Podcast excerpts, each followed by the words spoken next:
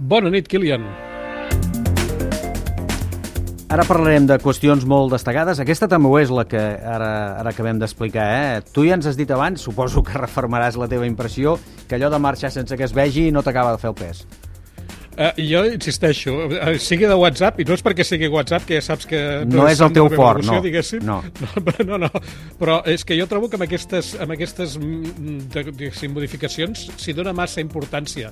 Jo no entenc, de debò, uh, no em sembla natural uh, haver d'amagar que marxes d'una comunitat uh, digital quan, si ho fessis d'una reunió de, de presencial, tothom veuria que marxes i, a lo millor, el fet de que marxessis uh, provocaria que s'ho repensessin, diguéssim, saps? Vull sí. dir que, bueno, bueno, no ho sé. Naturalitat, uh, dius, vaja. Jo crec que sí, jo crec que la ens hauríem de comportar al món virtual amb la mateixa naturalitat que el món real. Queda bé. Uh, queda ben clar, diguem-ne. En tot cas, ara cadascú tingui la seva opinió de si marxa, es queda o torna. Eh, per nosaltres, quedeu-vos, eh, que això és el que ens agradaria. Anem a parlar d'una altra cosa, perquè avui ens volies parlar del Congrés de Centres Tecnològics Europeus, que avui s'ha fet per primera vegada a Catalunya, eh? Sí, uh, l'EARTO, que són les sigles de l'Associació Europea d'Organitzacions de Recerca i Tecnologia, uh, agrupa 350 d'aquestes entitats de 23 estats que formen una xarxa paneuropea que té més de 150.000 investigadors, enginyers i tècnics que el que fan és gestionar infra infraestructures d'innovació molt diverses eh, i per, amb això el que fan és de pont entre la recerca bàsica, diguem-ne més acadèmica, i les seves aplicacions pràctiques, sobretot a la indústria. Entre tota aquesta gent donen servei cada any a més de 100.000 empreses europees i generen un impacte econòmic de 40.000 milions d'euros. Uh, totes aquestes institucions, les 350 que formen part de l'EARTO, treballen en àmbits com eh, molt variats, la sanitat, la demografia, la seguretat alimentària, l'agricultura sostenible, la recerca marina, la bioeconomia, l'energia neta i eficient, el transport integrat, l'acció climàtica i les primeres matèries. Uh, entre aquests organismes uh, n'hi haurà que potser us sonaran una mica els instituts Fraunhofer d'Alemanya, sí. el Tecnàlia d'Euskadi sí. i el català Eurecat. Home, aquest, que, aquest ens sona molt, sí. Ens sona molt perquè el sentim gairebé cada dia, sí. eh, que avui ha fet d'anfitrió precisament de la reunió anual de l'associació.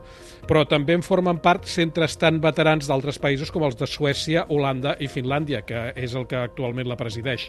A la trobada d'avui a Barcelona hi han participat el conseller d'Empresa i Treball, Roger Torrent, la secretària d'Innovació del Govern, Gobierno, Teresa Riesgo, i la vicepresidenta digital de la Comissió Europea, la Margaret Vestager, entre altres raons perquè els centres tecnològics assessoren també institucions europees i governs estatals i regionals en matèria de polítiques d'innovació.